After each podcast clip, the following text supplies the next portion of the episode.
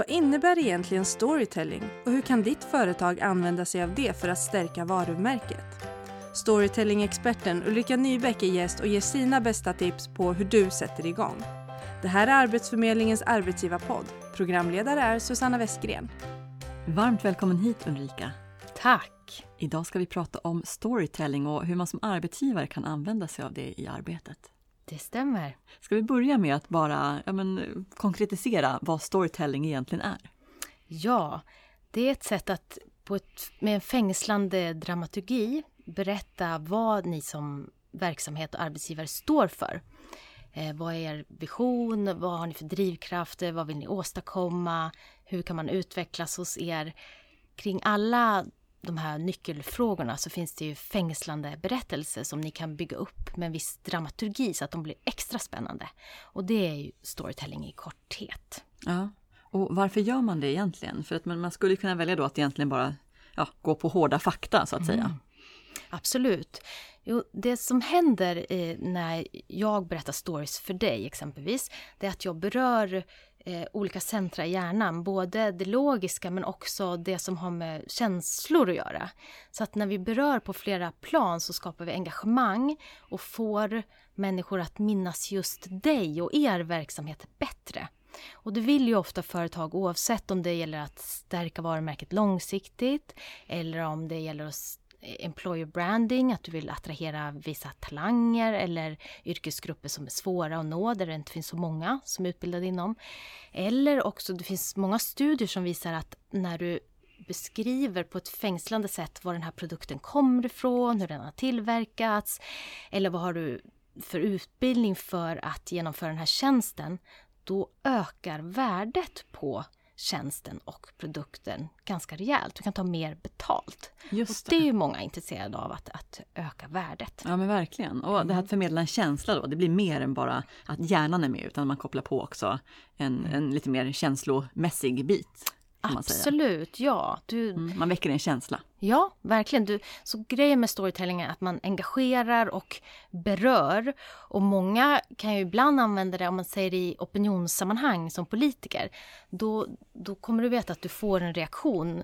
Vissa människor kommer bli arga, upprörda och andra kommer kanske tycka att du är fantastisk och älskar dig. Men grejen är att de minns dig bättre om du berör. Så våga beröra, skulle jag säga. Just det. Och hur börjar man göra det? Jag menar, en del organisationer, eh, företag och så vidare kanske är vana vid det. Men många kanske inte riktigt har hunnit utforska storytelling-biten. Hur, eh, hur börjar man? Ja, det stämmer att det finns ju en dramaturgi och vi skulle kunna börja med tre nyckelord ja. som är bra att ha med sig. Att ja. det är bra att ha koll på sitt varför, värde och utmaningar. Om vi ska bena upp det då så är, är varför, ditt varför eller verksamhetens varför. Varför driver ni den här verksamheten? Vad brinner ni för för frågor? Är det att bygga Sverige med IT eller att alla ska råd att möblera sitt hem med möbler eller vill ni skapa en grönare värld som finns kvar eller vill ni möta mer harmoniska människor och därför har utvecklat en meditationsapp? Ert varför, där finns det ju väldigt många fängslande berättelser. Mm. Och värdet är ju kopplat kopplat till varför. Vad skapar det här för värde i förlängningen för, för kunden eller för medborgaren? Och hur kan man beskriva värdet på fängslande sätt? Eller hur kan till och med kunden beskriva värdet? Mm. Och sen utmaning är väldigt spännande. Vissa kan tycka att ah, men vi kan inte prata om problem och utmaningar. Men i utmaning finns det ofta otroligt många spännande stories. Jag kan ta mm. Atea som exempel. Ja, men super. Mm. De bestämde sig för några år sedan så initierade de ett upprop mot konfliktmineraler. Mm. De sa att vi vill inte ha mineraler i vår elektronik som är med och bidrar till krig och oroligheter och våldtäkter. Det vill vi inte. Så att de eh, började hålla utbildningar kring vad är konfliktmineraler? Hur kan vi granska leverantörskedjan? De började själva åka ner till Kongo och till Kina och gör det fortfarande och, och frågar där underleverantörerna. Hur jobbar ni med de här frågorna? Hur kan vi göra det här på ett bättre sätt? Hur kan vi se till att alla inblandade har schyssta arbetsvillkor och att, miljön, att vi tar hand om miljön på bästa sätt? Mm. Och där, det har ju de chans att göra också, beskriver det på ett fängslande sätt med dramaturgi. Men det är också äkta och sant att alla visste att elefanten stod i rummet men ingen tog i frågan för det kändes Nej. för känsligt. Nu har de istället tagit ledning i den frågan och satt agenda och fått hundratals företag att ansluta sig till uppropet. Mm. Och så jobbar man även i en organisation på globalt plan och det sker förbättringar tack vare att man vågade ta tag och ta ledningen i den här frågan. Det är ju super tycker jag. Det är jättebra, verkligen. Mm. Har du några fler exempel på andra bra storytelling, eh, sådär, ja, men, eh, historier som andra företag har använt ja, sig av? Ja, absolut. Massor. Eh, till exempel, vi kan ta en, mm. en entreprenörsikon mm. som jag tycker är spännande som också visar resan från eh, analog till digital. Mm. Och jag tänker på Ingvar Kamprad. Eh, så om man ser honom på scenen och han själv så berättar han ju hur det hela startade, att han var ung, runt 20 eh, och, och, började med att, att, cykla ut med, han startade en postorderfirma och cyklade ut med tändsticksaskar och nylonstrumpor och andra mm. lätta saker. Eh, och han hade tidigt en vision om att han ville Senare blev det här att, att alla ska ha råd att möblera sitt hem. Men, men han hade en vision från början som handlade mer om att, att lyfta människor ur fattigdom. Okay. Mm, så att den storyn berättar han. Och sen har de jobbat stenhårt inom hela IKEA med bland annat ett magasin som väldigt välgjort som gick ut till medarbetarna i hela världen. Där man lyfter eh, medarbetare internt som har löst olika eh, utmaningar och problem. Mm. Och idag i den digitala eran så driver man en egen Youtube-kanal.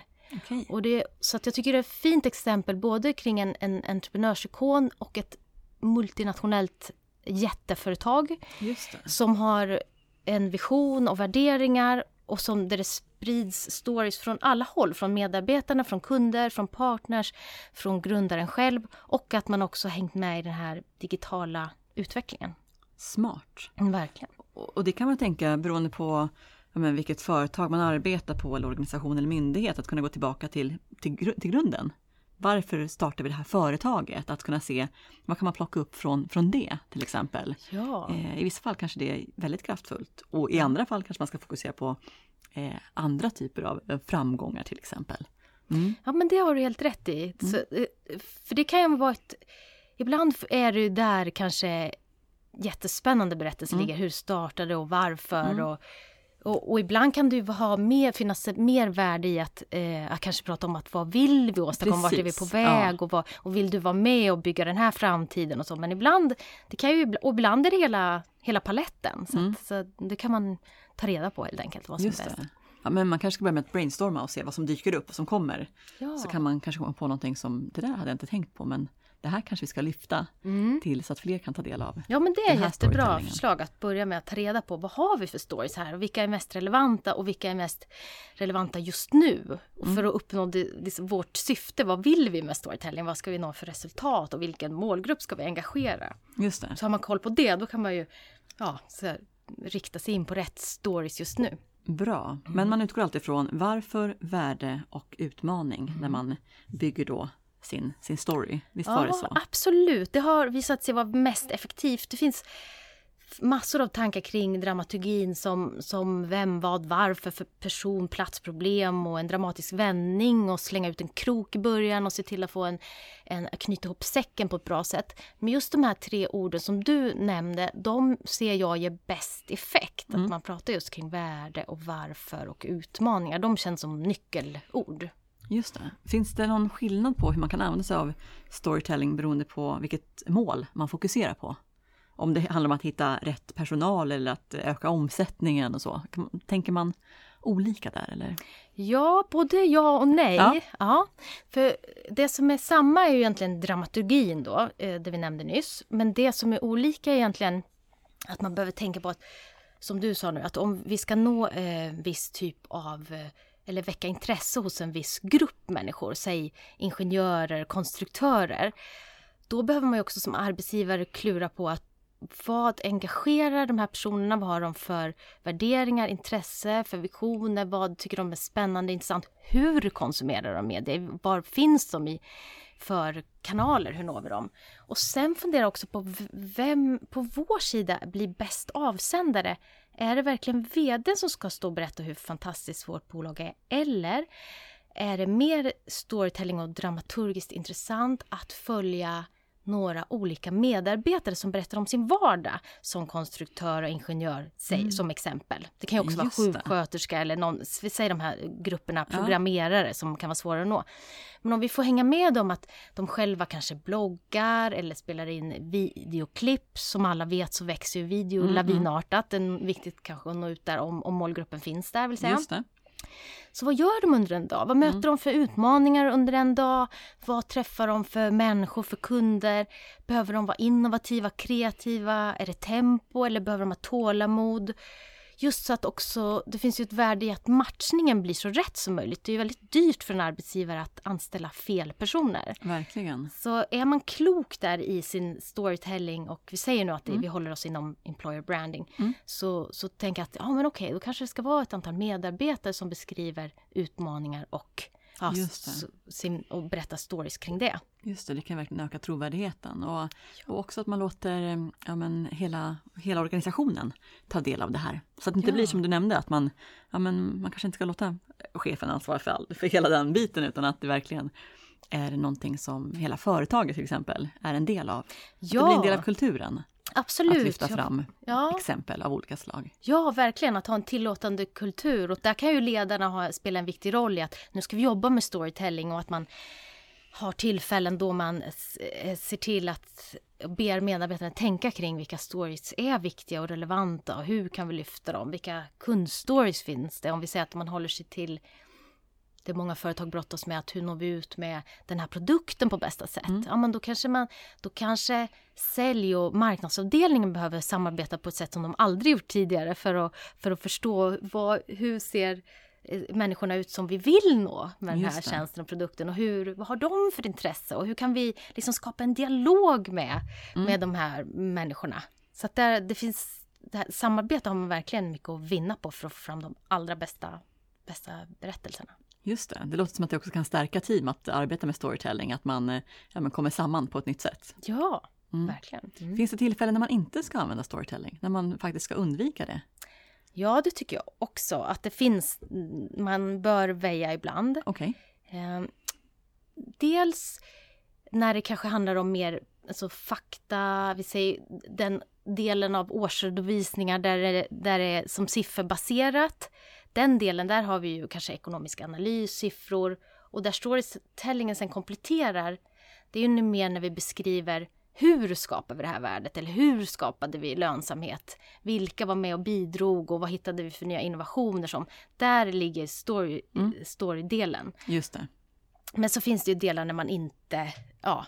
Där man helt enkelt är fakta, siffror. Ja, exakt. Mm, precis. precis. Så att jag, jag ser det som ett komplement om man jobbar med strategisk kommunikation. Så ibland är det alltså, nyhetstexter eller lite mm. mera strikta pressreleaser och, och, ibland passar det sig bättre med, med storytelling. Superbra. Mm. Har du något mer exempel på bra storytelling som du vill dela med dig av? Jag tycker det är så spännande att höra, för det gör också att man, man själv börjar fundera på men hur skulle, hur skulle jag eller vi som organisation kunna använda ja, oss av det? Ja.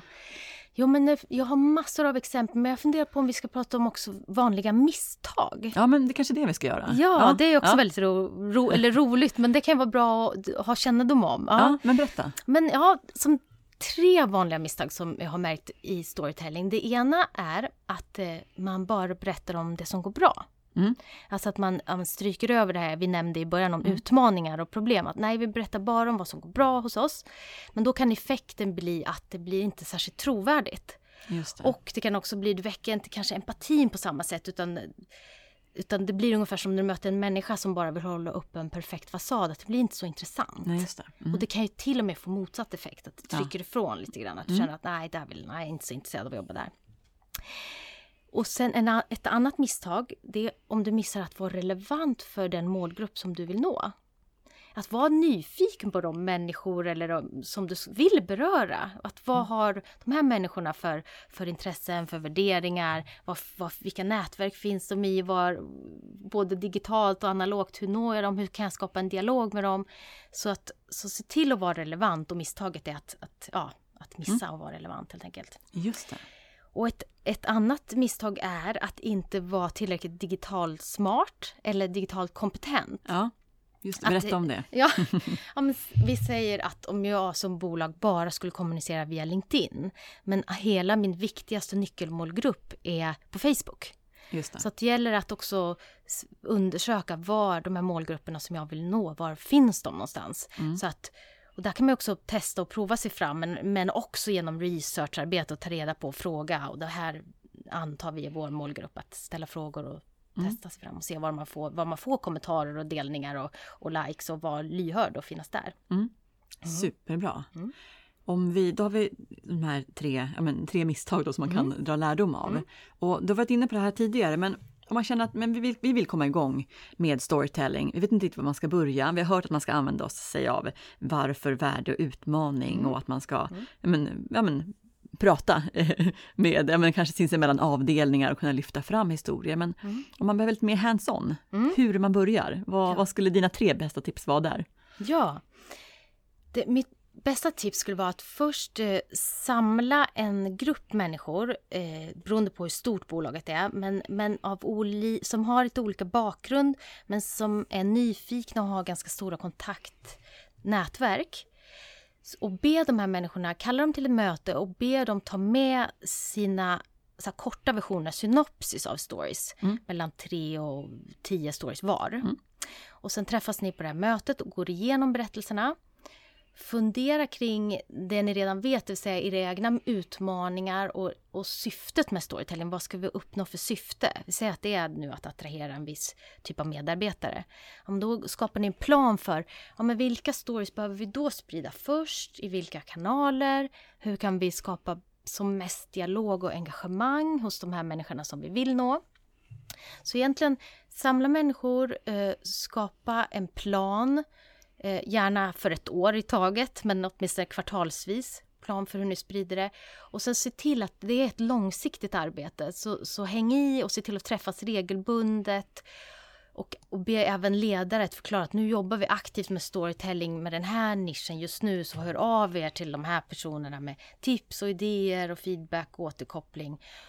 Och när ni får respons från eh, de som ni vill nå. Se till att vara där och svara och eh, kommentera och ha den ton och ja, det tilltal som, som ni anser är det är så man bemöter människor. Så att det inte finns massa frågor där ute sen i digitala kanaler som inte blir besvarade. Just det. Superbra, konkreta tips. Tack!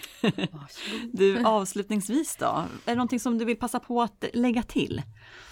Ja, att vara äkta och genuin och våga gå in i utmaningar. Och undersök också vad den här utmaningen, vad har den lett till för utveckling och vad har den skapat för värde för de som vi vill nå. Oavsett om det är vårdtagare eller skolelever eller, eller kunder som ska köpa en viss produkt. Så, så ta avstamp i sanningen, var ärlig, genuin och ta reda på era allra bästa stories och, och håll dialogen varm med dem som ni vill nå. Superbra. Tack snälla för att du kom hit Ulrika. Tack för att jag fick komma. Du har lyssnat på Arbetsförmedlingens arbetsgivarpodd med Ulrika Nybeck och Susanna Westgren. Inspelningsansvarig var Roger Svanell. Nu tar Arbetsförmedlingens arbetsgivarpodd semester och återkommer igen med nya avsnitt efter sommaren. Passa gärna på att lyssna på våra tidigare avsnitt. Vi önskar er en trevlig sommar.